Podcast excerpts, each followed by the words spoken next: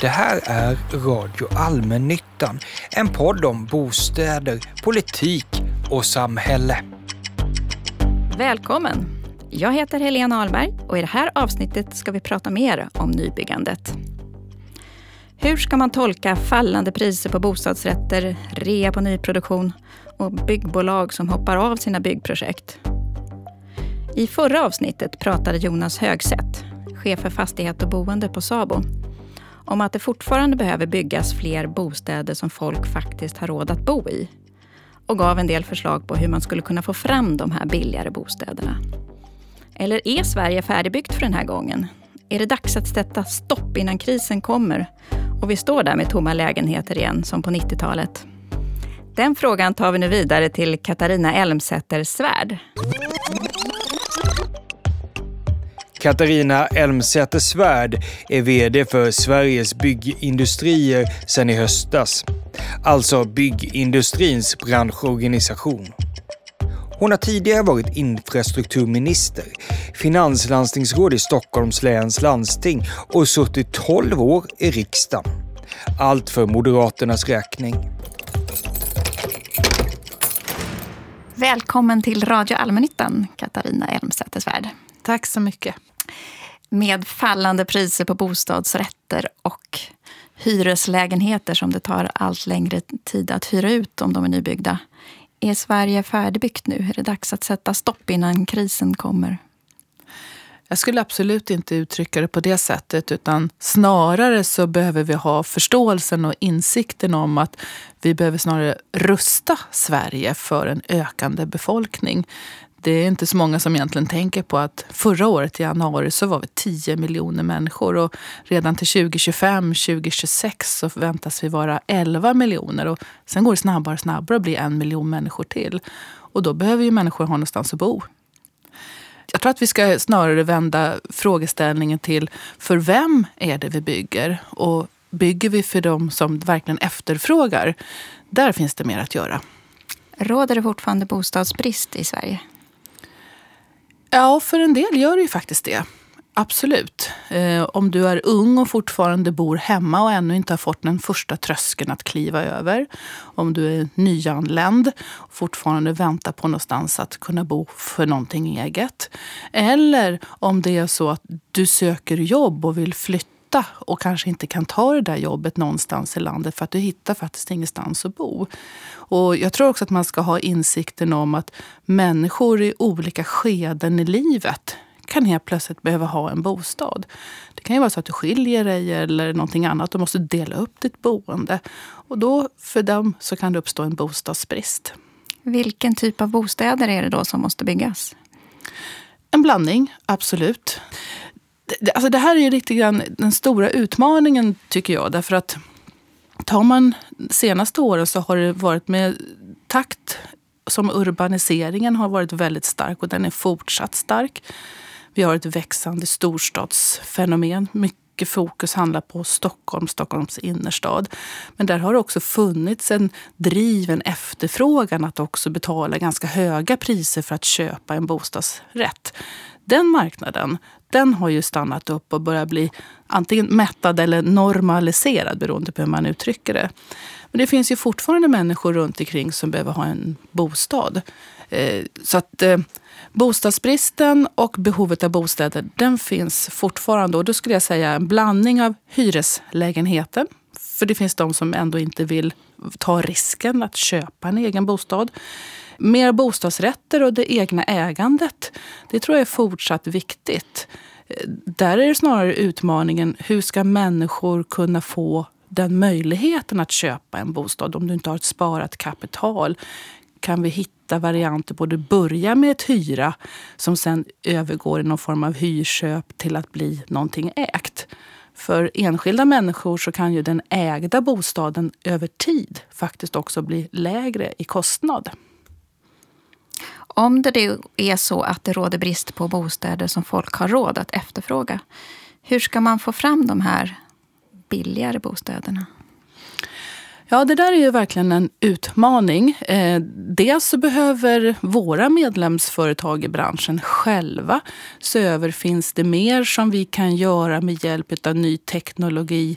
Vi har digitalisering, vi har standardisering och mer industriellt tänkande, fast att det ändå kan vara individuellt. Där har vi ju till exempel eh, Ikano, Bostad, vi har Bonava och andra som börjar hitta andra former för hur man bygger. Sen har naturligtvis frågor som rör markpriser. Markpriserna spelar roll. Hur vi bygger spelar roll. Konkurrensen spelar roll också. Många har ju klagat på kommunernas höga markpriser, att det är en stor del av kakan. Medan SKL, Sveriges kommuner och landsting, hävdar att nej, så är det inte alls. Mm. Är det en eh, korrekt kritik att kommunerna har för höga markpriser? Jag kan förstå att det finns flera sidor av det myntet. Men det är klart, tittar man på produktionskostnaden av själva byggkostnaden, alltså själva produktionsdelen, så ibland så kan ju markprisen vara nästan upp till 50 procent, om inte mer, utav den kostnaden. Det här skiljer sig naturligtvis var i landet som du befinner dig.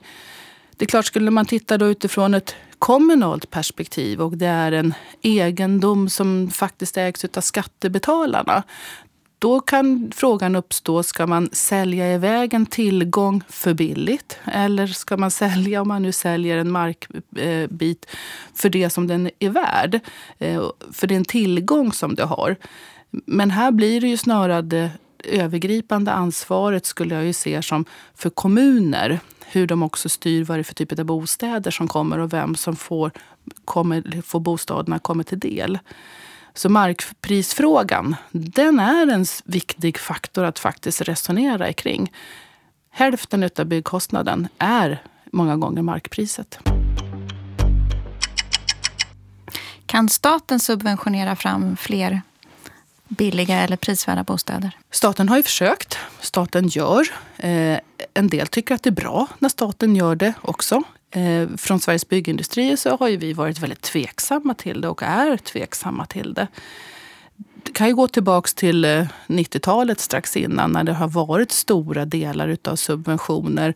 Det byggdes väldigt mycket men sen byggdes det inte alls. Så att det blir svårt att jämföra över tid när någon sen kommer in och ska bygga därför att du har redan subventionerat, inte sönder systemet, men nästintill tidigare. Det ställer till att nu är det ju inne i samma diskussioner igen. Eh, när det var väldigt stora mängder nyanlända som kom här 2015 och nästan varenda kommun helt plötsligt hade bostadsbrist. Då var den här frågan aktuell igen.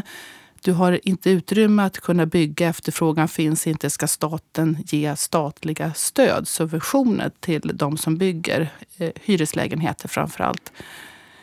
Ja, det kan man ju fundera på. Några kommuner har ju använt det.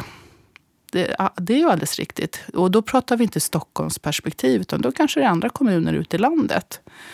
Men om man ska titta riktigt krast på det så tror jag att det är helt fel väg att gå.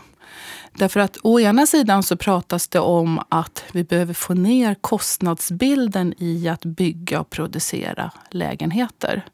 Om vi går in den andra vägen och subventionerar, då plockar vi undan ganska mycket av incitament för att få ner kostnaden. Så det skulle egentligen vara motsägelsefullt utifrån den aspekten.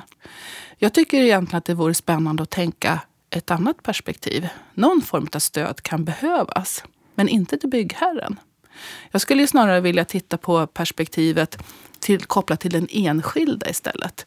Där jag i olika skeden av livet kan behöva komma i ett sånt tillstånd att jag vill ha en bostad. Men jag har inte förmågan för jag har inte sparat pengar. Jag har inte några andra tillgångar. Jag har inte kommit in på bostadsmarknaden. Eh, där till exempel bostadsbidraget skulle kunna vara en del. För den inkomstbeprövas ju vartefter.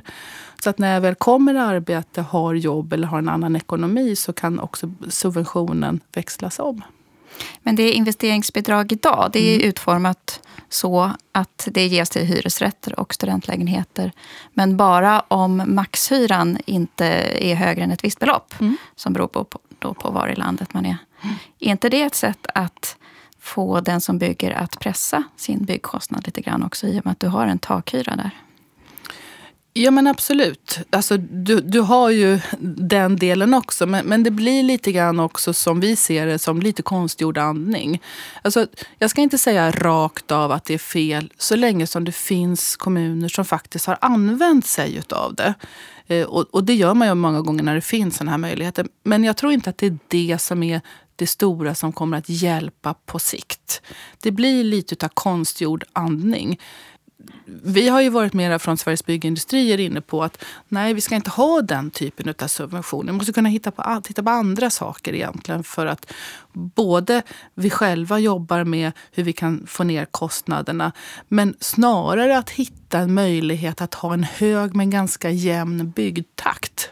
Därför att de här svängningarna som går upp och ner hela tiden, de är nästan mycket svårare att takta. Både till kompetensförsörjning, företagens egen planering, eh, både på kort och lång sikt. Så att eh, snarare tänker vi att med en jämn byggtakt och att det finns bostäder så är det ett bättre sätt att komma eh, få ordning på det där. Förra året tror jag att det var 10 000 lägenheter som fick investeringsstöd. Och många som då har använt det har beskrivit det som att ja, men den lilla slanten, det var det som hjälpte till att putta projektet över kanten. Så att vi bestämde oss för att det stod och vägde, ska vi bygga eller inte? Ja, men med investeringspengen så säger vi, jo vi bygger. Ja. Är inte det bra? Jag säger inte att det är dåligt för alla. Det finns de där det har varit viktigt, framförallt när man kommer utanför storstadsregionerna. För att jag har också tolkat det som att det inte är där subventionen egentligen ska vara. Jag tycker att det finns ett annat sätt också som vi brukar resonera om från Sveriges byggindustrier och som också känns igen i politiken mer och mer att för att bygga bostäder och att det ska finnas en attraktivitet för människor att vilja efterfråga de bostäderna så måste jag på ett smidigt sätt kunna ta mig till och från jobb. Och då spelar infrastrukturen en väldigt stor roll. Och det ser vi ju att där staten, då, om man nu ska prata vad staten faktiskt kan göra eh, istället, som jag tycker vore mera sunt, det är ju att bygga ihop landet och hålla ihop landet med olika typer av infrastruktur. Och där det får vara motorn för bostadsbyggandet eh, så skulle staten lägga ner pengar på att subventionera så borde det vara att investera i infrastruktur. För då ges ju möjligheterna bättre för människor att kunna bo. Och framförallt, då går det också att bygga både hyreslägenheter och vanliga bostadsrätter. Med infrastruktursatsningar, kan man då göra om C-lägen, alltså dåliga lägen till B-lägen eller A-lägen, bättre lägen. Ja, absolut. Och då om man då växlar tillbaks till Stockholmsregionen där det i stort sett växer med två SL-bussar varje dag. Det är dyrt med mark, det är dyrt att bygga och har varit så tills det nu har börjat tappat av. Ja, då kan man ju se att om de fyrspåren skulle komma mellan Stockholm och Uppsala eller du börjar liksom titta på Ostkustbanan uppåt mot Gävle. Och så ser du helt plötsligt att när du i tid kan förflytta dig ganska långt så kan det rent utav vara billigare. Eller du kan hitta annan typ av mark mellan Stockholm och Uppsala eller upp mot Gävle eller till och med utanför där. Men ändå kunna jobba i Stockholm om det är så du bor. Eller likadant, jag klev på tåget i morse i Södertälje där jag bor samtidigt så klev det av människor som jobbar i Katarina, kommer från Katrineholm och jobbar på Scania i Södertälje. De kan bo kvar i Katrineholm och pendla till Södertälje med tåget. Och det innebär att det finns förutsättningar att bygga och bo i Katrineholm också. Skulle infrastrukturen inte ha funnits, då skulle de ju behövt sökt sig någon annanstans ifrån alternativ inte haft något jobb. Så det går verkligen att se infrastrukturen som motorn i bostadsbyggandet. Det höjer värdet där du bor därför att du kan bo kvar. Du har fortfarande möjlighet att kunna söka studier eller jobb på rimliga tider. Om man då tittar på det andra spåret du var inne på, att man hellre skulle subventionera individen. Hur mycket skulle bostadsbidragen behöva höjas då för att det skulle bli bra? Mm.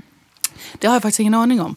Eh, det här är någonting som jag tycker att vi bör titta lite grann på. Men det kanske kostar statskassan mer än att investera vissa, visst hyreshusbyggande till exempel? Men absolut. Eh, om det skulle vara så, då vet vi det. Men då har också det kommunala som finns med i det här också. Absolut. Det är därför som jag tror i grunden så jag tror att det bästa som staten kan göra det är att utveckla och, och se över infrastrukturen. Är byggmarknaden en oligopolmarknad? Ja, det är en berättigad fråga när man hela tiden ifrågasätter om eh, priserna är de rätta eller inte. Men jag skulle nog vända på det och säga att vi är nästan 100 000 företag som jobbar i den här sektorn. Några är naturligtvis större, de är inte jättemånga. Och så har vi väldigt många små och medelstora företag. Och så ser det ut runt omkring Europa. Så utifrån det betraktat så är det ju absolut inte det. Mellan skål och vägg så har det sagts i många år att ja, men det vet man ju att de stora byggbolagen de har ju delat upp Sverige mellan sig. Mm. I staden X där bygger bara Peab och i staden Y där bygger bara NCC och så vidare. Mm. Ligger ingenting i det? Ja, ehm, det kan det absolut göra. Men då tror jag att man kanske också då ska ha med... Då, då förstår jag också mycket mer det här när man... Från mina medlemsföretag då, som är just de som du nämner. Eh, när du får en ryckighet i bostadsmarknaden och byggmarknaden. Då handlar det också om vilken förmåga har man som enskild företagare att ställa om. Du har ett ansvar gentemot anställda, du har maskiner och investeringar.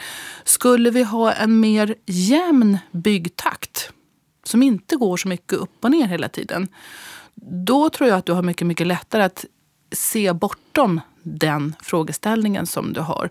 Därför då finns det större möjligheter att kunna flytta runt med personal, kunna hantera maskiner och det som du behöver ha på ett annat sätt. Det, det, det tror jag. Men behöver det komma in mer konkurrens på bostadsbyggarsidan? Det är alltid bra med konkurrens. Det är absolut alltid bra. Därför att du, både när man tänker sig liksom innovativa lösningar, sätt att tänka, sätt att projektera och sådana saker.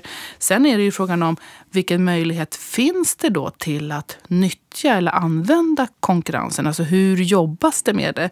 Eh, jag kan ju höra till exempel från mina medlemmar att de inte ens en gång vill lägga anbud ibland på vissa förfrågningar. Därför att det är så styrt i detalj redan från början. Eh, så att, antingen är det ingen idé eller de vet att de kommer inte få det. Och det är ju negativt därför att får du få anbudsgivare då kan det innebära att du håller uppe priset som du annars inte skulle få. Eller olika tekniska möjligheter att jobba mer innovativt. Så det ger ju till skada för andra handen. När allmännyttan bygger ut i landet så har du gjort lite undersökningar att de får ofta väldigt få anbud. En, två, tre och ibland kanske ingen alls. Mm. Hur kan det komma sig? Det får man naturligtvis kolla från, från fall till fall. En del kommuner, vad jag tycker och har förstått i alla fall, jobbar ju väldigt bra med gentemot marknaden. Att du har kontinuerliga samtal där man ser framåt i tid. Här har vi våra planer. Här förväntar vi oss att vi behöver bygga skolor. Det är sjukvårdslokaler. Det är bostäder. Det här kommer att komma under de här närmaste åren. Det öppnar ju upp bättre förutsättningar för företagen att planera sin verksamhet och då kunna vara med och lägga anbud. När du inte har det och det dyker upp till exempel någon som vill att det ska byggas ett bostadsområde eller ett hus. Och så parallellt bredvid så har någon annan beställare i det offentliga, kanske landstinget, beställt att här ska det byggas sjukhus. Och någon tredje, Trafikverket, har sagt att här ska det byggas väg. Och det är ungefär samma företag. Och så ska de dela upp det. Då kan det bli en som i bästa fall lägger anbudet på bostadsbyggandet. Som ett exempel. Men om man då faktiskt behöver bygga bostäder, sjukhus och vägar samtidigt. Mm. Hur ska den ekvationen gå ihop då? En av våra viktigaste utmaningar framåt i tiden det är kompetensförsörjningen. Alltså vi har ju människor de närmaste fem åren i våra medlemsföretag som går i pension, ungefär 50 000 vi ser att det är inte lika starkt tryck på att komma in på bygg och anläggningsprogrammet ute i våra kommuner utan snarare att kommuner lägger ner de gymnasieprogrammen. Det vore rent förödande. Vi tittar på bland våra företag om vi ska ha egna branschskolor. Eh, det är en del. Men sen har du också utländska företag. De kommer att behövas här i Sverige också. Utländsk arbetskraft har redan funnits här och för många gånger är det också en förutsättning för att klara av de jobben som finns. Det tycker vi är helt okej. Okay. Däremot så vill vi ju se till att det säkerställs att vi har sunda villkor. Att vi konkurrerar på villkor som är rätt. Vi tycker inte att det, våran bransch ska vara en bransch där till exempel man har svartarbete, inga löner eller att företag inte betalar skatt. Borde man göra det enklare för utländska byggföretag att ta sig in på den svenska marknaden? Det är ju inte jättesvårt för dem att kunna ta sig in. Och där har ju bland annat Boverket också fått, eh, om jag minns rätt, eh, uppdrag från regeringen att också lägga upp informationssidor på hemsidan om vad som gäller och på olika språk. Och vi har ju till exempel för våra, de som blir medlemsföretag hos oss, där man ställer krav på säkerhetsutbildningar och sånt. Vi gör mycket mer på olika språk för att det ska finnas tillgängligt också. Sabo har ju åkt runt lite grann och raggat utländska företag just för att man har fått så få anbudslämnare när de vill bygga. Mm. Är det ett bra sätt? Från Sveriges byggindustrier med många av våra företag så har ju inte vi någonting emot att det kommer konkurrens från andra och från andra länder. Snarare kan det vara så att våra egna använder också utländska underentreprenörer för att klara av de jobb som de har tagit på sig. Jag tycker att det viktigaste måste ändå vara det är också ett samtal som vi har ibland, alltså förutsättningar. Sabo till exempel som andra beställare. Hur jobbar man i upphandlingsförfarandet? Kan man möjliggöra så att fler faktiskt, att man verkligen tittar tittar på olika upphandlingsdelar när man bara får en anbudsgivare till exempel. Bottnar ner lite grann. Vad beror det på? Är man för detaljrik i sin förfrågansunderlag? Ställer man särkrav som gör att det inte är någon idé att man gör det? Så att man verkligen tittar på det och tittar på erfarenheter. För det är sånt som jag också hör dyker upp ibland. Eh, att upphandlingsförfarandet kan också bättras för att möjliggöra för fler att lägga anbud. Många har ju ropat på regelförändringar i byggregelverket i många, många år. Och det har kommit också ganska många utredningar som har föreslagit en hel del. Kan man pressa byggpriserna ännu mer med ännu fler regelförenklingar? En, en viktig del är väl att börja se till att de regelförändringar som man redan har föreslagit, att de faktiskt börjar tillämpas och komma igång. Det finns ju fortfarande vad jag hör från mina medlemmar också, för många, alltså, då du har olika kommunala krav som gör det kanske svårt om man samtidigt säger att vi ska ha ett industriellt tänk när man bygger, jobba mera med standardiseringar och moduler. Ett företag som jag bygger hus, radhus i eh, Ursvik vid Solna hade ju en konstruktion som också vände sig till familjer som var lite mer liksom medelinkomst eh, kundgrupp. Där kommunen helt plötsligt sa att nej men taket måste dras in lite mer. Vi vill inte ha överhängande tak. Varpå konstruktionen fick ju ändras om och fördyrade hela huskonstruktionen. Inte till fördel för den som sen skulle flytta in där, för det var mycket dyrare det här var ju bara ett lokalt särkrav för att någon tyckte att det skulle se snyggare ut. Så att jag möter ju också våra medlemsföretag som upplever att de kan ha hittat ett sätt att bli mer standardiserade som påverkar kostnaden att bygga. Men där man kommer till olika kommuner och kraven kommer på olika så att det genererar en högre kostnad i slutändan. Men kan man generellt förenkla byggreglerna mer utan att det blir mörka, murriga, dåliga, otillgängliga bostäder? Det tror jag absolut att man kan göra. Jag tror att eh, en viktig diskussion som ändå är på gång, och den är väl alltid svår att ta, det är ju frågan om Å ena sidan så har vi ju valt att ha höga krav, både kopplat till hållbarhet, livscykelperspektivet, energianvändningen, tillgängligheten för människor i hela livets skeden det gör att det drar på kostnader naturligtvis. Men å andra sidan så förs det en diskussion om alla lägenheter till exempel behöver vara anpassade på ett sådant sätt. Eller vi kan hitta, ungefär som du tänker dig en bil som är trafiksäker. Samma tillverkare har alltifrån att det är en Skoda till en Audi Q7. Om du blickar framåt fem år, hur kommer byggandet se ut då? Kommer det vara mer bostäder? Kommer det vara mer typhus? billigare eller kommer det vara mer utländska företag eller kommer det vara på något ytterligare annat sätt? Ja, jag tror faktiskt att du kommer se alltihop av det som du nämnde. Och en viktig faktor, det handlar nog om två saker. Dels att regeringen nu sätter ner fötterna för infraplanen för de kommande 12 åren. Men dessutom vågar sätta ner i ett brett politiskt samförstånd att vi också behöver bygga nya stambanor. Då kommer vi kunna se resultatet av Sverigeförhandlingen och då har vi nästan 300 000 nya bostäder bara på den kommande 20-årsperioden. Tack för att du kom till Radio Allmännyttan, Katarina Elmsäter-Svärd. Tack! Du har hört Radio Allmännyttan, en podd från Allmännyttans intresseorganisation SABO. Den spelas in hos produktionsbolaget Filt Hinterland. Producent Simon Måser, tekniker Gustav Sondén.